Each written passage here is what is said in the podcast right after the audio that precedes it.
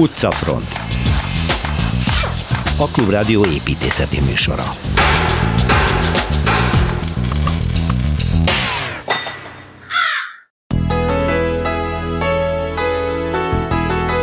Honnan származik a római Angyalvár neve? A többi között erről is hallunk Szilveszter Ádámtól. Hogyan került Cinkapanna szobra egy budai modern villa homlokzatára? Fonyódi Anita oknyomozása. Torma Tamás folytatja a fővárosi utcamustrát, Budára megyünk és az Orlai utca villáit nézzük meg. Kortás építészeti megoldások a Budavári Uri utcában, ez Kelecsényi Kristóf témája.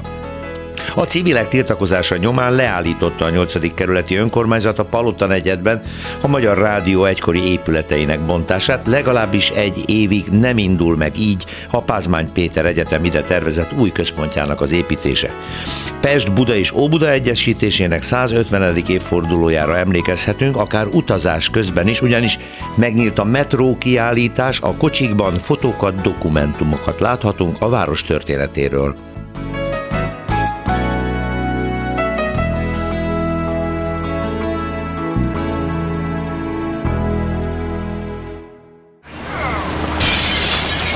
Városi tükör.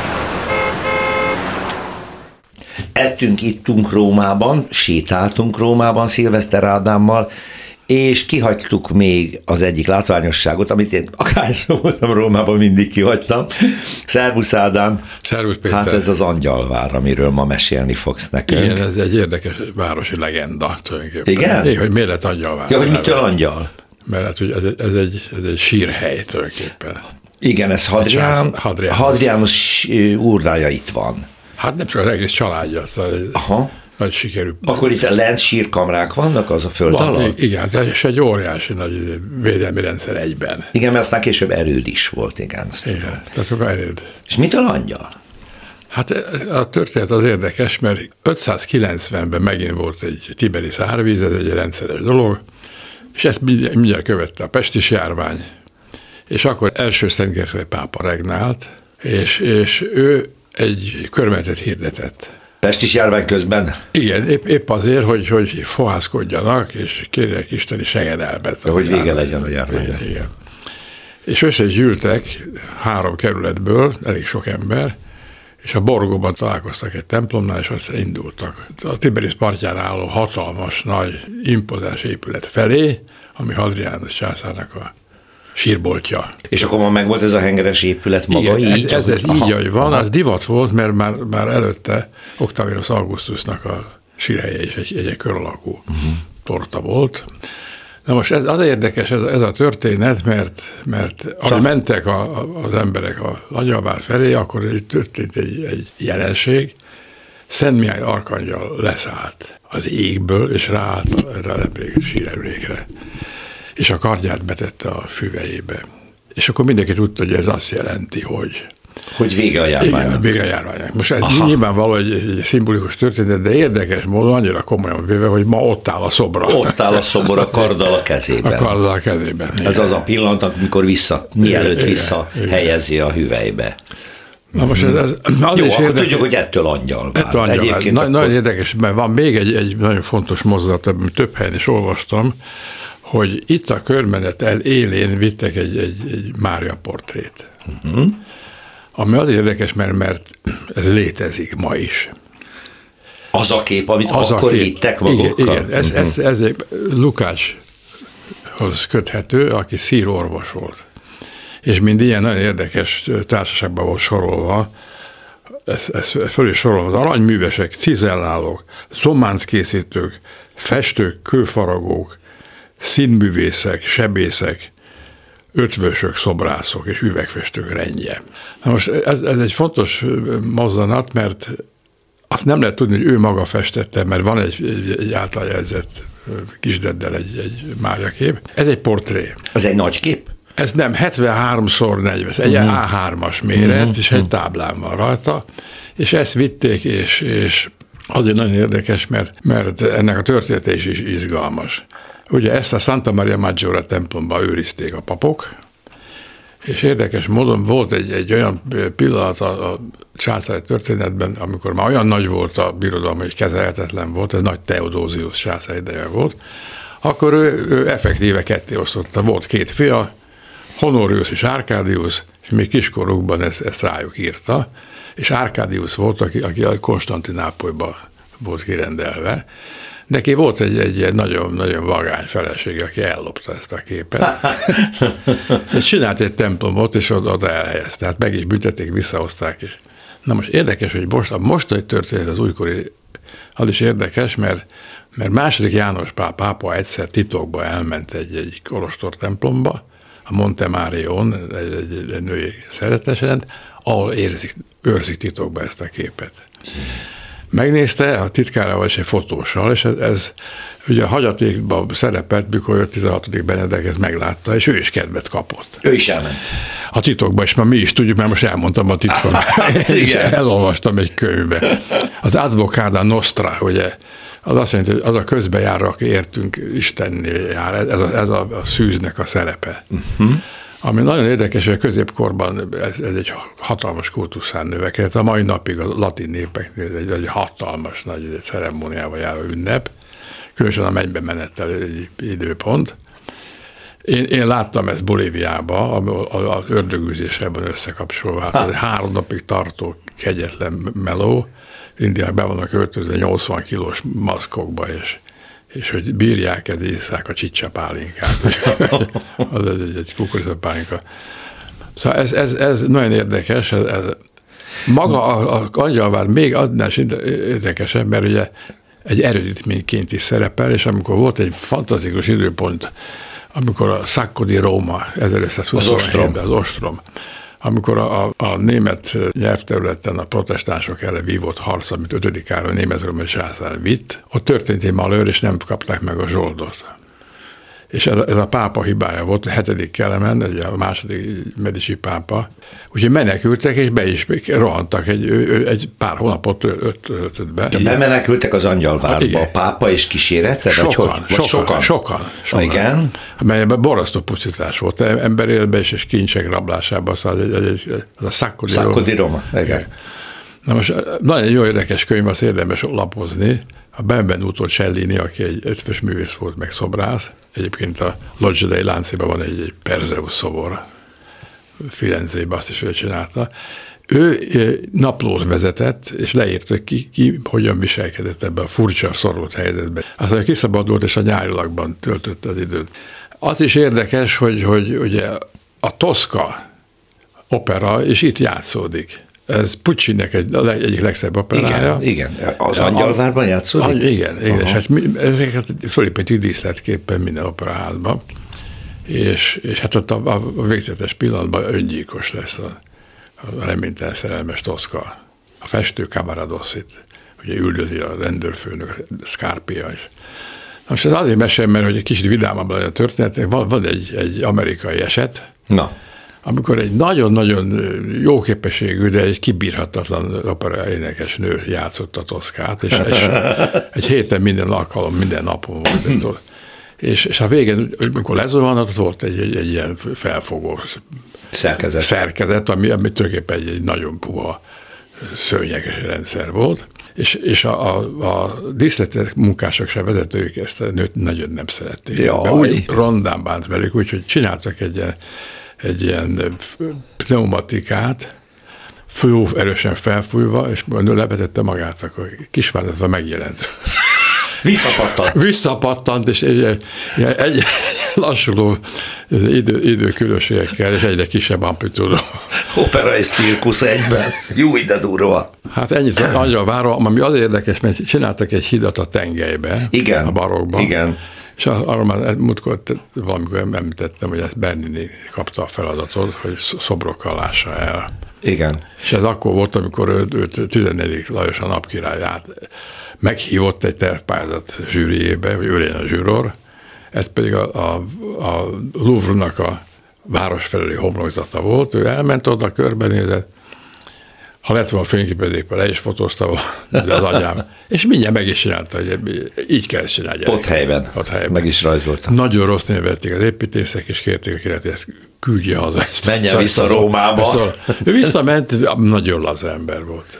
A, a leg, leg tehetségesebb és a leg, leg, legnagyobb képességű, könnyed ember volt. Ami, ami a legnagyobb csoda, hogy tulajdonképpen ő elsősorban szobrász volt, de, de az, hogy ő megkapta végül is az a, a 120 évig épülő San Pietro előtti teret, hogy ott, ott valamit csináljon, és tudta, hogy az a baj, hogy túl nagy lett a templom. Egy gyönyörű kupolát készített Michelangelo, amikor aztán a, a, a homlokzati front írtól messzire került a tengertől, akkor csak messziről. Tehát Igen. az angyalvártól lehetett látni. Onnan lehet látni a kupolát, így van. Tehát de, túlságosan de, de, nagy a kubus. Uh-huh. Úgy, hogy ez, ez még 9 méterre meg, és egy szángálló fiú, ez, az föl És még így és is. még így is. Igen. No.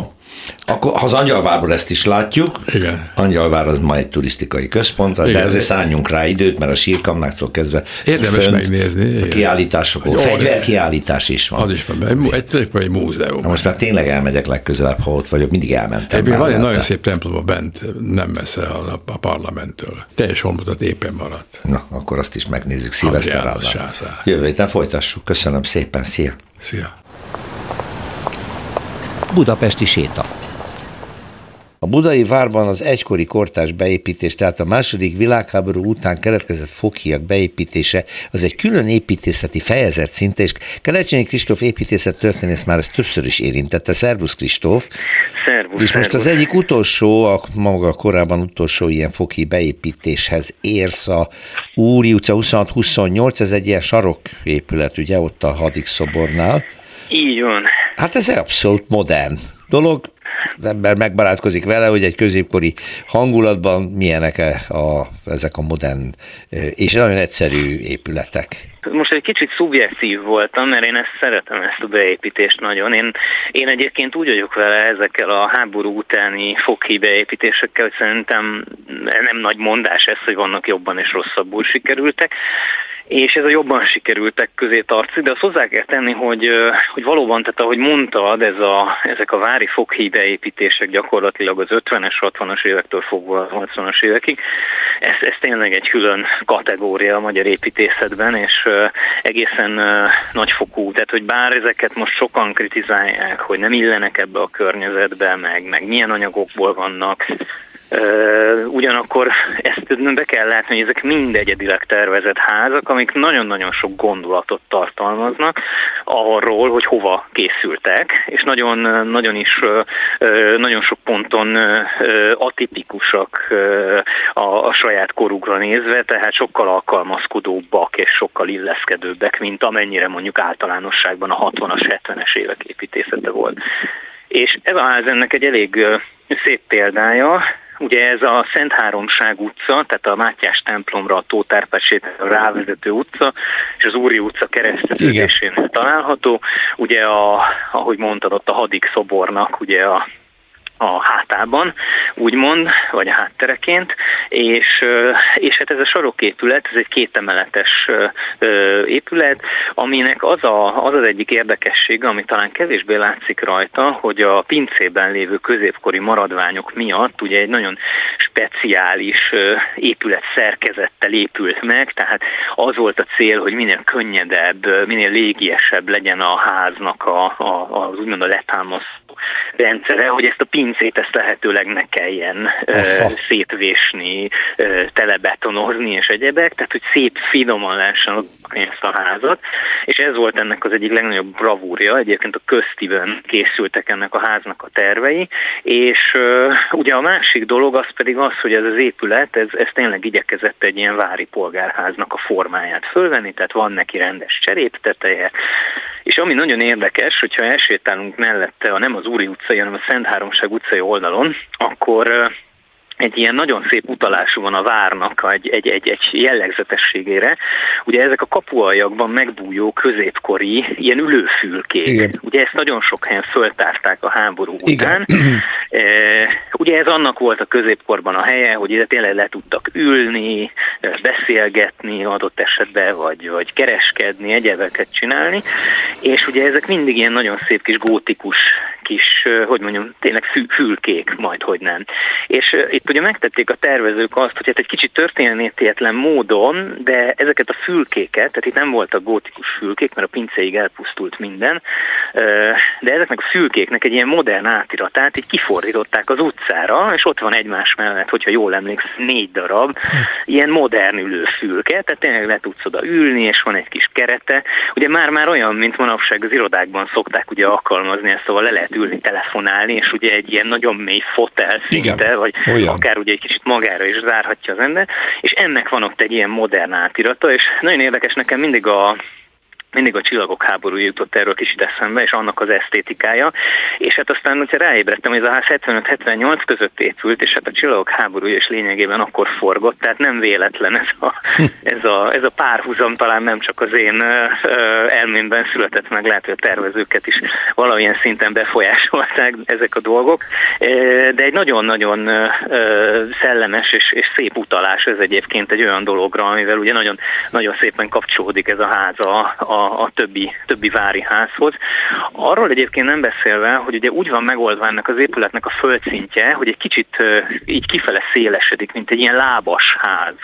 És bár ez a várban például nincsen nagyon, azért a középkori településeken ez szintén, ugye ezek a lábas házak azok, amikor ilyen nagyon nagy, kifelé szögellő, tehát gyakorlatilag mint egy szoknya, így kifele szélesedik az épület alja, ugye ennek nagyon szép példái vannak Dél-Lengyelországban például, vagy mai Szlovákia területén, tehát nagyon-nagyon nagyon sok ilyen megoldást ismerünk, és ezt is egy kicsit, kicsit hozza az épület. Tehát amiről itt beszélek, az az, hogy olyan gesztusokkal és korokon átívelő formákkal próbált meg a tervező, vagy a tervező csapat itt alkalmazkodni a, a, a környezethez, amik, amik aztán szépen tényleg beleszövik ebbe, a, ebbe az egész történetbe ezt az épületet. Szóval én ezért kedvelem ezt a házat. Igen, mert ez azért építészetileg nagy feladvány egy történelmi környezetben kortársat építeni. Ez mindig nagyon hát nehéz. igen, ez, ez nehéz ügy. Ez mindig nehéz ügy volt. Na, hát akkor még egyszer mondom a címet, Úri utca 26-28, ez a Szent Háromság és az Úri utca sarkán ez a jellegzetes épület, amiről Kelecsényi Kristóf beszélt nekünk, nagyon szépen köszönöm, szervusz Kristóf, minden Szervusz. Utcafront. Kellene egy kis zeneszó, hogy Fonyódi Anitával a Képtérblog szerkesztőjével beszélgessek, mert most olyan témát hoztál. Szia! Sziasztok! Szia Péter! Cigányzene dukálna, ugye bár, mert Cinka Pannáról is szó lesz egy épület kapcsán, amely épület valahol Budán van, ugye? Széher út 84-ben, tehát második kerületben vagyunk. A hogy kerül a hegedű a házba? hát a, a ház falára ö, került, úgyhogy a, a, a megrendelőnek ez ugye valamiért ilyen szív ügye volt, és ugye az az érdekesebben az épületben, hogy, hogy Molnár Farkasnak ez az utolsó megvalósult lakóháza. Utolsó? Uh-huh. Igen, még az, a, ugye a templomon dolgozott még azokban az időkben, de ez az utolsó épület, ami aztán elkészült és egyébként úgy kerül a hegedű a válaszolva a kérdésre. Egy cinkapannát ábrázoló nagyon szép dombormű van a, a háznak az utca felőli homlokzatán, elég nagy is, ráadásul, tehát hogyha így, így simán észre lehet venni, vagy simán feltűnik, és azért cinkapanna, mint ugye kiderült, mert a, az építető, aki Kútvölgyi István volt, a, a, akkor a 40-es években az IBUS-nak a, az igazgatója, ha jól emlékszem, ő, ő Molnárnak egy barátja volt, ilyen pécsi ismerettség, ugye hát uh-huh. Molnár Farkas Igen. Pécsről származott, és Pécsről ismerték egymást, és hát ott zeneiskolának, a, ha jól emlékszem, az igazgatója is építetett Molnára a házat, tehát ott volt egy ilyen, egy ilyen baráti Kapcsolat. társaság, mhm. gondolom, mm. igen, és és az derült ki még így különböző forrásokból, tehát mindegyik így arra mutatott, hogy a, az építető szerette a zenét, szerette a cigányzenét is valószínűleg, és hegedülni is tudott, tehát valahol ezt találtam az egyik ilyen visszaemlékezésben, hogy hegedű művész volt, vagy hát legalábbis hegedült, és úgyhogy innen jön a, a, a cinkapanna ott a Ja, a, hogy akkor a szobrász ajándékként készített egy ilyen domborművet hát, ezek szerint? Igen, azt, azt nem tudjuk, hogy ajándékként Vagy egy, a kútvölgyi kérte. Vagy a kútvölgyi kérte, maga. igen, és ráadásul ugye a, a szobrász, Boda Gábor, szobrászművész, aki egyébként Molnárral több épületen dolgozott, uh-huh mint épületszobrász. Egy, igen, és, és Boda Gábor is barátja volt Molnár Farkasnak, tehát Na, hát én szerintem ez egy megbízás, Aha. tehát gondolom, hogy nem, nem, nem feltétlenül de ajándékba. Nagyon, de... nagyon szép, ez egy, egy hófehér márvány, igen. dombormű, Cinkapanna ugye az első cigány primás cigányasszony, és mellett a kerék ugye a cigányságnak az egyik szimbóluma. Igen. Ez nagyon szép. Jó, és érdekes, mert ugye ez egy Bauhaus épület, ha jól értem. Ugye az az érdekesebben a, a magában az épületben, hogy hogy ugye Molnártól arra számít az ember, vagy arra gondol, ugye, tehát ő ugye a Bauhausban is éveket töltött, Igen. és hát ugye az egyik leg, vagy ha nem a leghaladóbb szellemű modernista építész volt Magyarországon. Ugye neki volt egy olyan ö, jellegzetes, nagyon letisztult, nagyon modernista stílusa, amit ugye a, a Lejtő utcai épülettől elkezdve a Lockároly utcaig, amiben ugye laktak is, tehát hogy ez, a, ez az igazi Bauhaus, de hogy ez az épület meg ezektől kicsit eltérően azért más, mert hogy már az eredeti terveken is úgy nézett ki, hogy a legelső tervváltozat az lapostetős volt, Igen. és ilyen voltak ilyen éves vonalak így a ter- az erkélyeknél, nem annyira Bauhausos egyáltalán, és akkor az valamiért, az valamiért elvetették, és a második tervrajzon egy kicsit így a, a homlokzaton levő formák azok kiegyenesednek, uh-huh. tehát az ablaknyílásokra eltűnnek gondolok, meg a, igen, eltűnnek az ívek, viszont sátortetőt kap, Nagylepő. ami meg nem annyira, tehát hogy, nem hogy, hogy az, igen, de minden esetre azzal együtt érdekes, hogy főleg az utca felőli oldala, nem feltétlenül Molnár Farkas nem gondolnánk, hogy az életművésze. Igen. Holott, ahogy említetted, ez az utolsó lakóháza, ami megvalósult, mert sajnos az ostromban ő életét veszítette, meghalt az egy bomba találat következtében, éppen a villájában volt, ha jól emlékszem. Az igen, a Lockároly utcai igen. házban voltak, igen. No, hát akkor igen. pontosan még egyszer, Anita, hol találjuk őt? A, a második kerületben, kerület. a Széher út 84-es szám alatt. És ez a Kútvölgyi villa, tulajdonosan megrendelő után. Igen. Így van. Fonyódi Anitának nagyon szépen köszönöm. Perspektíva. Azt ígértem múlt héten Torma Tamással, amikor befejeztük a Tótárpát sétányon az utcamustát, hogy maradunk Budán. Szerbusz Tamás! Szerbusz Péter, üdvözlöm a hallgatókat. Egy Így fantasztikusan van, szép Orlai utca következik. Honnan indulunk? Nem sort váltunk, ez kifejezetten egy hallgatói kérés. No, tényleg? az Olaj utcán, de hát elég, ugyebár a nagy Gellért-hegyi sétának ez egy... Nyugodtan lehet a folytatása. Mondhatjuk, hogy organikus része, ha megyünk föl a Bartók Béláról, vagy jövünk le a Hol kezdjük? Hát a műteremháznál, ami ugye nem az Orlai utca, de hogyha hát a torkolatban van. felé, akkor a torkolatban az, az magasodik ott. Ez a nagy budapesti fellendülés része, ugye bár, amikor megépül, tehát ez a múlt század fordulója előtti pár évtized, az először a hangsúly azért a Városliget és környékén van, ugyebár Lást Epreskert, meg a Képzőművészeti Egyetem, de végül is aztán oda is tervezték egyébként ezt az első műteremházat. Akkor hogy került ide a Kellenföld Orlai utca torkolatba? Úgyhogy végül is engedélyt kaptak, miután a Magyar Képzőművészeti Társulat kiválasztotta ezt a félig üres telket itt, elég nagy volt, és ide nagyobbat lehetett építeni. Tehát először nem engedélyezték neki, de aztán 1902-ben mégiscsak uh-huh. elkezdődhetett, és hát nagyobban, mert 19 műterem és egyben lakás, oh. tehát egy elég óriás ház. A tervező az Kosztolányi Kan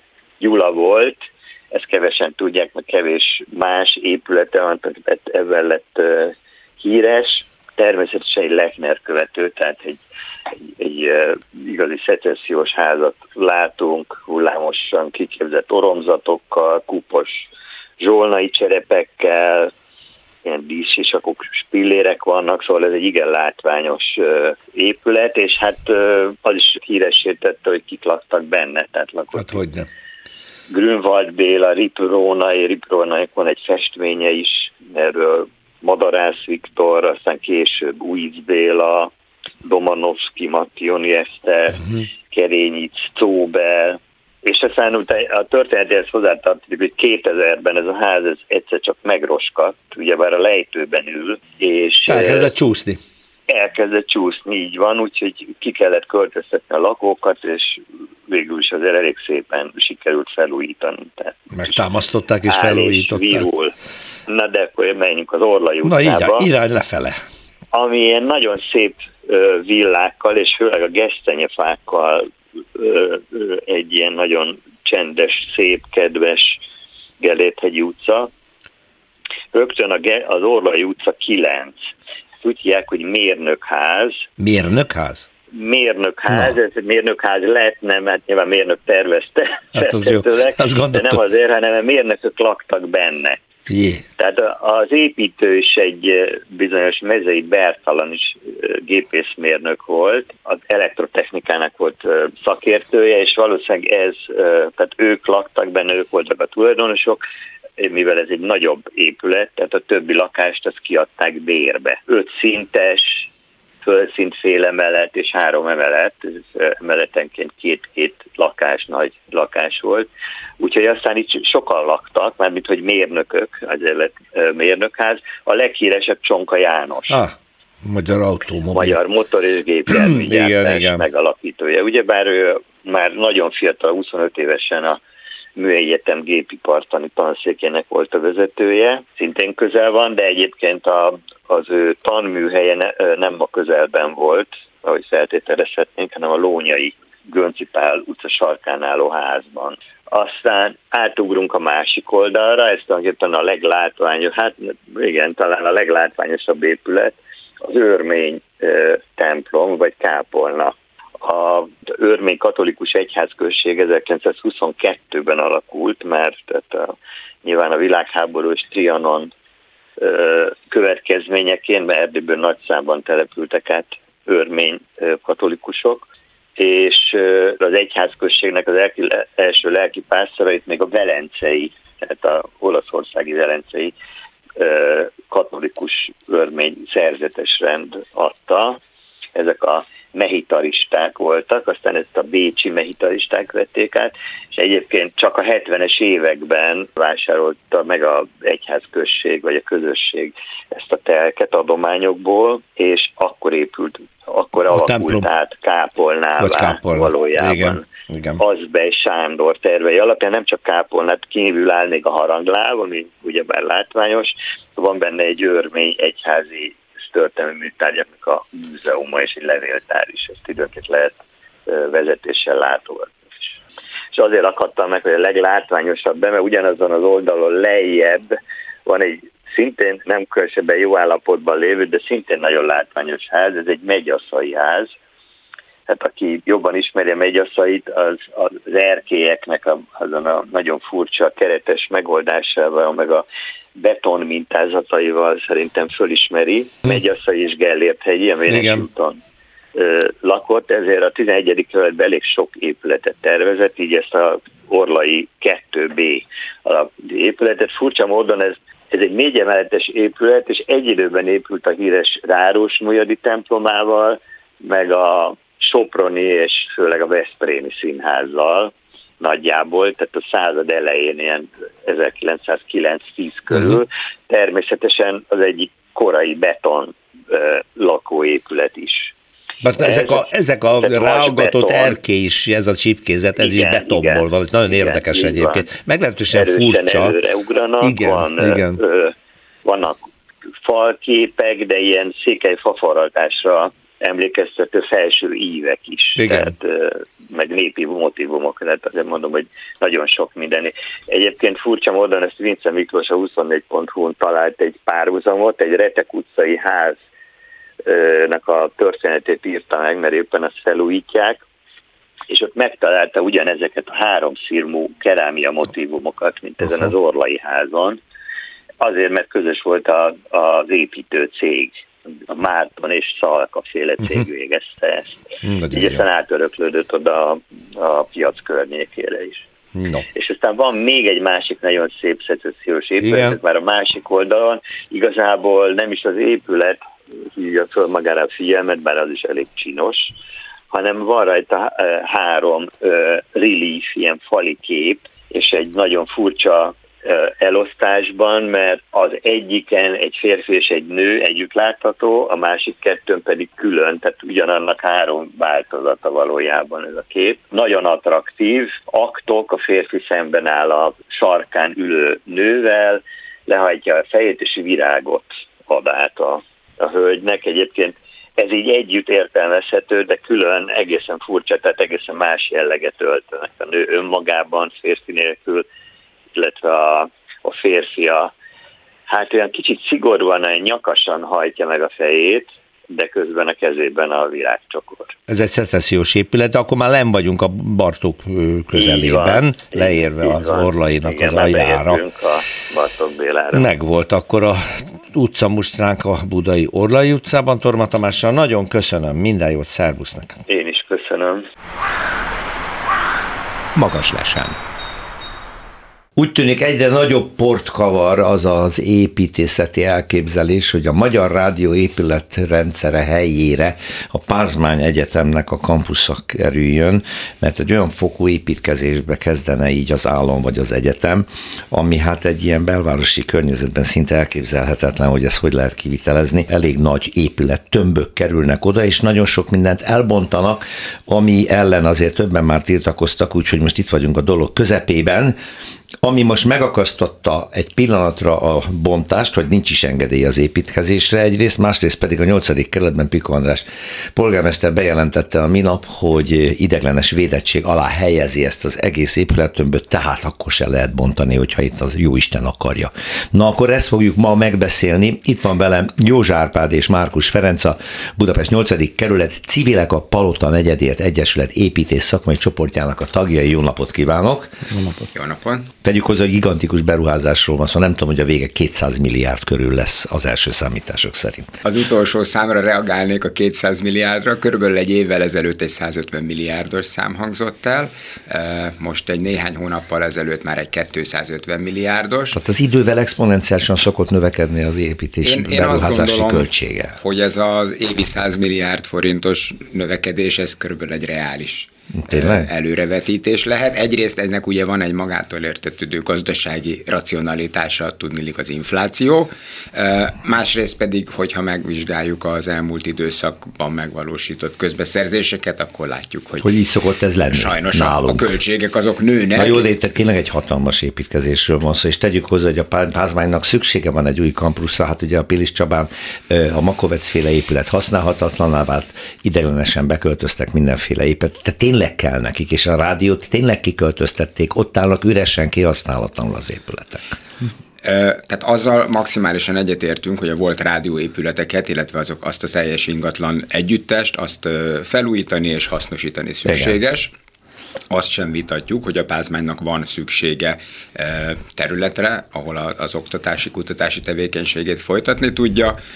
Ugyanakkor azt látjuk, hogy amit a pázmány szeretne megvalósítani, az nem fér be racionálisan arra a területre, amit ide kiszemeltek.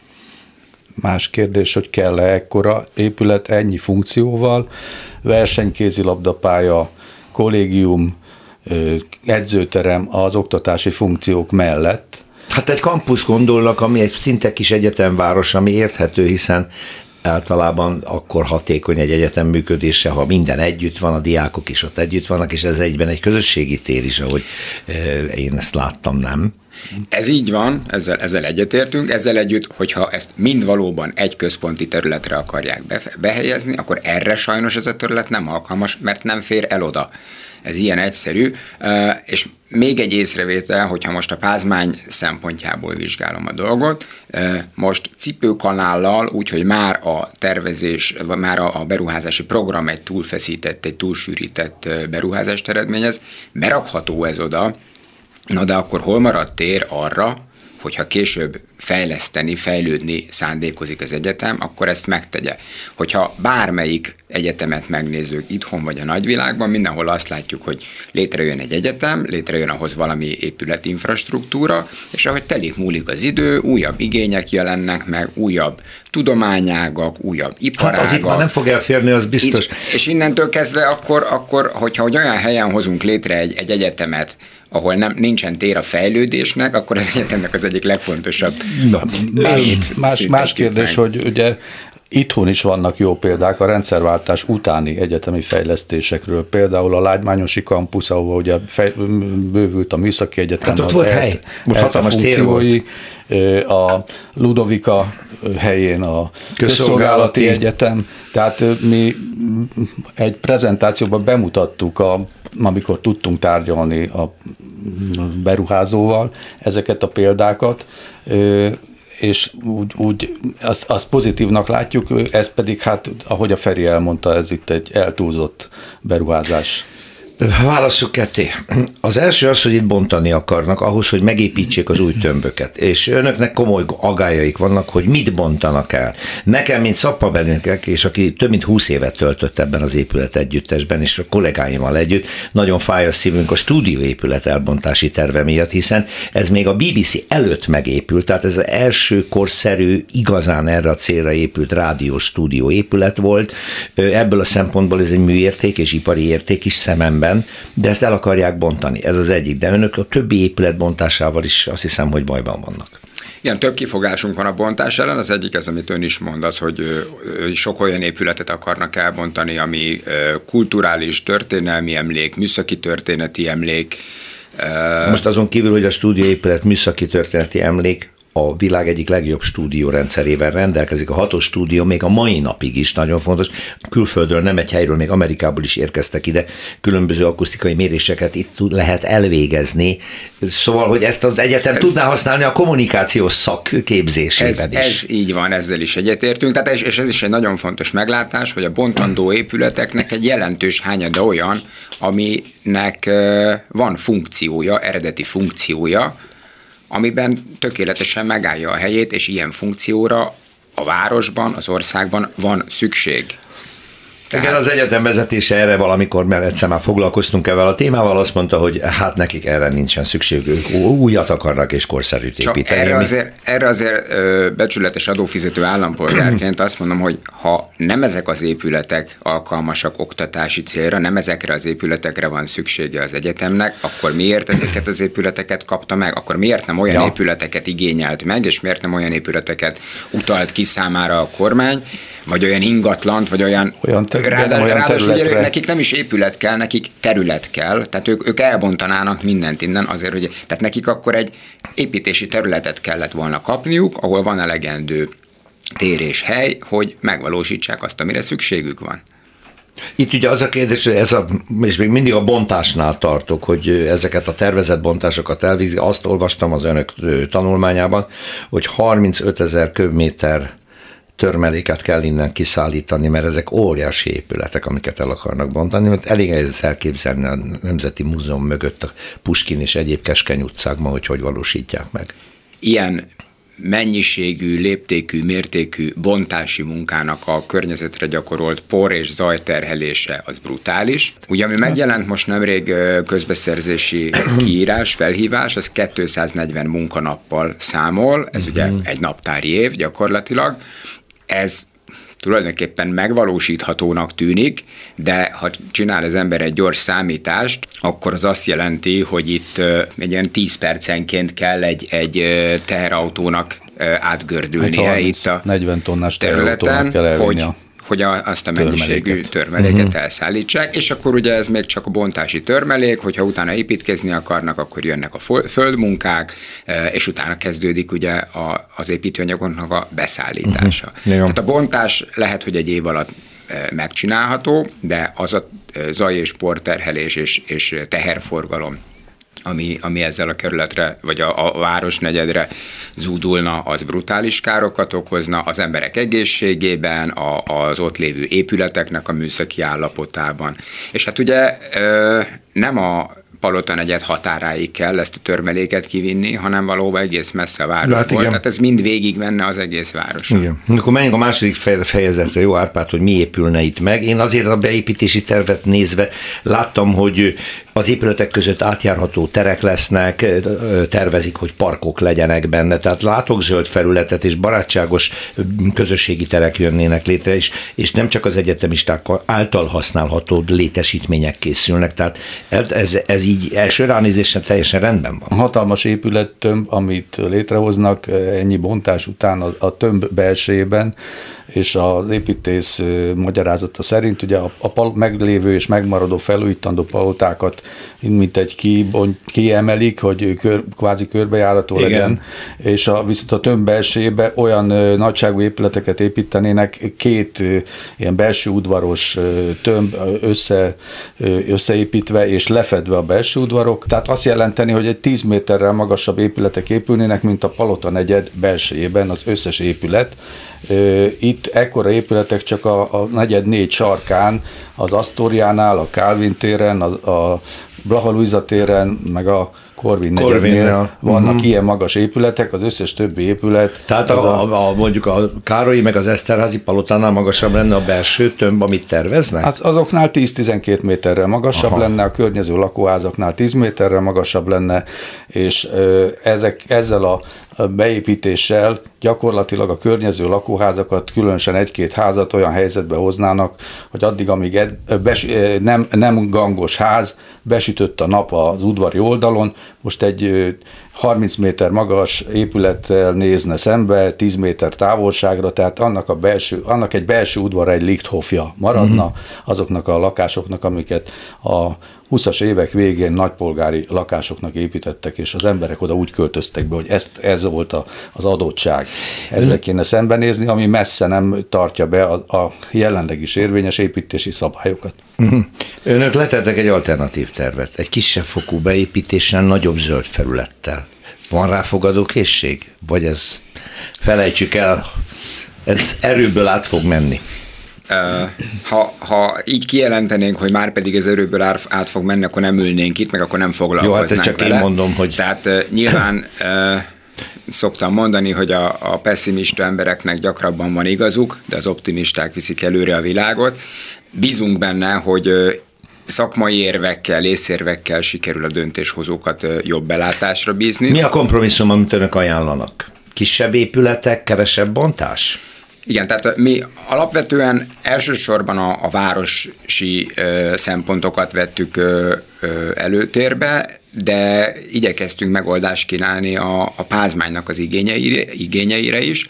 Tehát mi azt javasoltuk, hogy meg kell vizsgálni, hogy a meglévő épületek, tehát mi az, mi az, amit tényleg el kell bontani. Vannak ott olyan épületek, amik tényleg bontásra ítélhetőek, mert sem, sem esztétikai, sem, sem funkcionális, funkcionális szempontból nincsen, nincsen jelentős értékük, de a többi épületnél meg kell vizsgálni, hogy mit, milyen célra tud használni az egyetem, vagy lehet, hogy nem az egyetem, hanem tehát a, a stúdióban, most múlt héten voltam például a hatós stúdióban, hogy egy fantasztikus koncerten, tehát ez a mai nap használatban Ma van, persze, próbák persze, vannak, felvételek persze. vannak, koncertek vannak.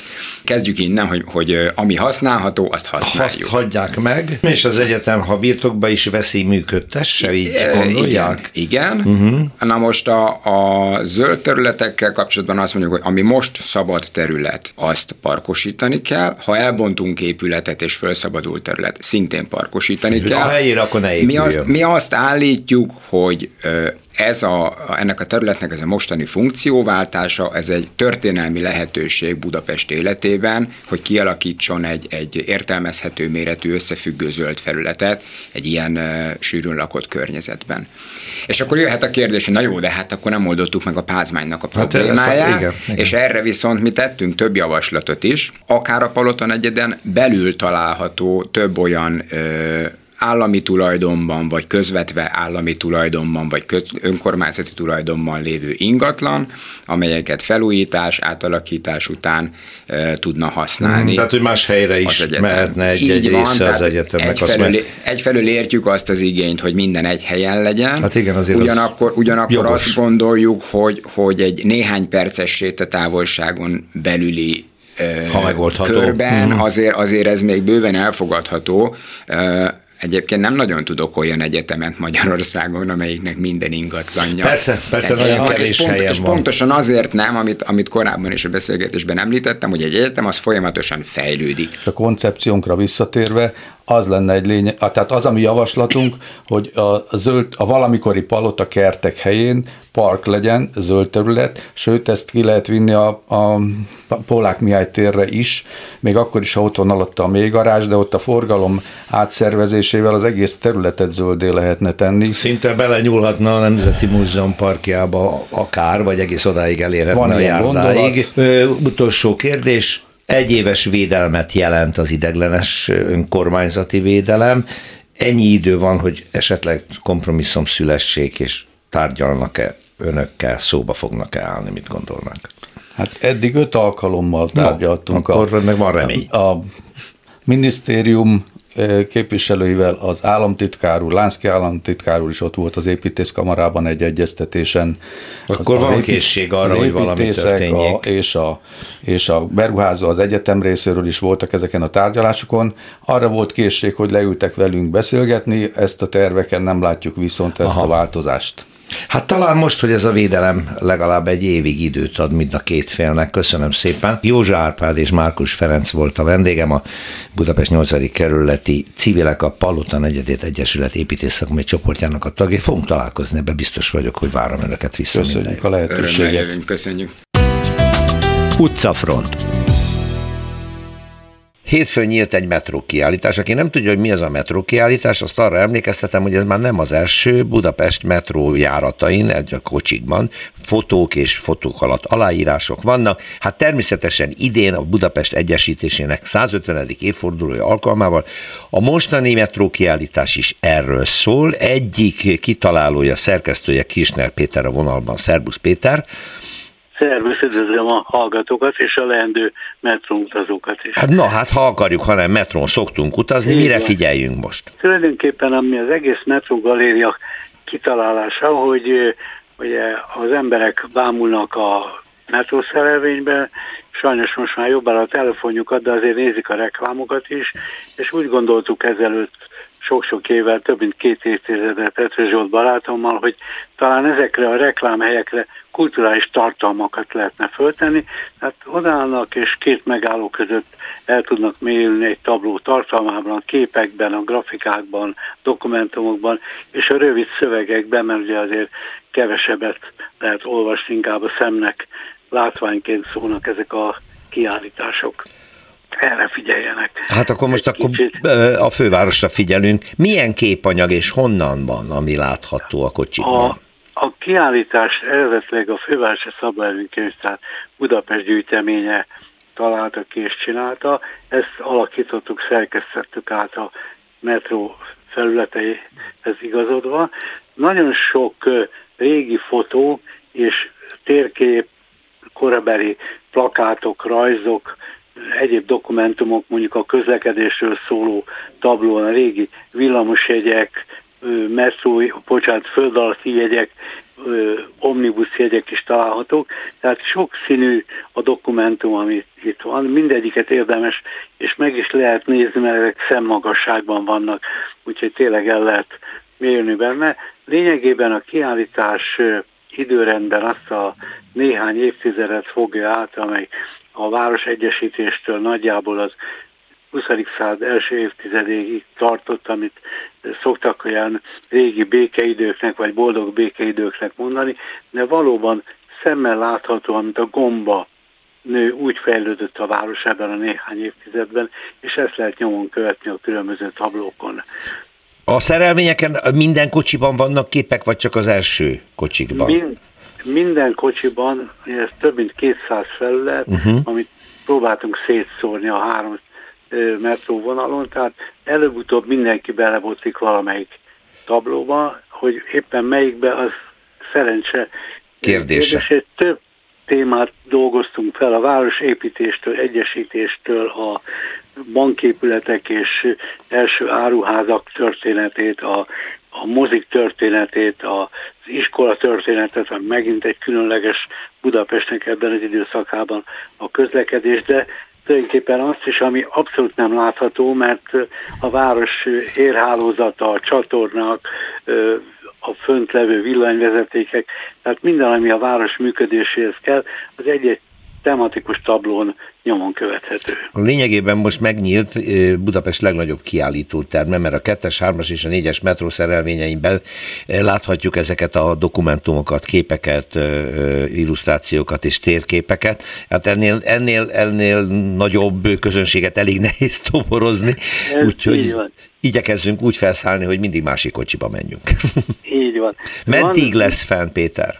Meddig ez a kiállítás körülbelül egy hónapig fog utazni a szerelvényekben, uh-huh. és azért is fontos, hogyha van a hallgatók között nyilván van olyan, aki erre van lehetősége, miután a szerelvényekből lekerülnek ezek a tablók, ezeket bárkinek szívesen kölcsönözük, ez lényegében egy 30 darabból álló sorozat, és bárhol könyvtárban, művelődési házba, iskolába ki lehet rakni a falra, és reméljük ott is minél többen fogják látni. Nagyszerű kezdeményezés, nagyon köszönöm, tehát akkor ez most a következő hetekben egy érdekes utazási plusz program. Kisner Péternek köszönöm. Szervusz, minden jót! Viszont hallásra!